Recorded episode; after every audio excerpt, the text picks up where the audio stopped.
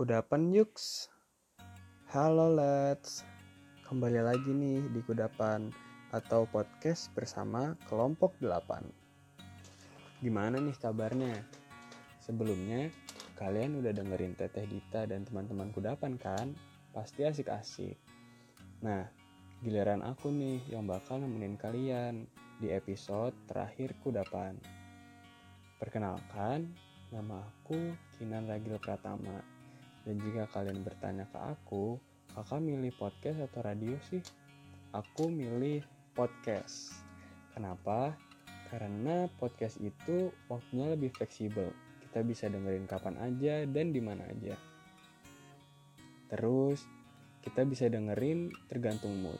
Bisa pas lagi sedih, kita dengerin yang puitis, atau pas lagi seneng kita dengerin stand up biar makin senang terus podcast juga lebih memiliki topik yang lebih banyak. Sedangkan radio belum tentu topik yang kita mau ada di saat yang kita mau. Karena topiknya dijadwalkan. Terus kalian pernah kan pas dengerin radio tiba-tiba ada iklan. Menurut aku itu juga agak mengganggu.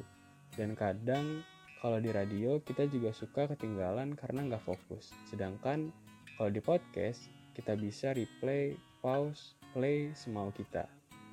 Um, mungkin itu aja sih opini aku. Terima kasih ya teman-teman yang sudah setia mendengarkan kudapan. Semoga podcast aku dan teman-teman bisa bermanfaat bagi kalian. Oh iya, kalian beli podcast atau radio?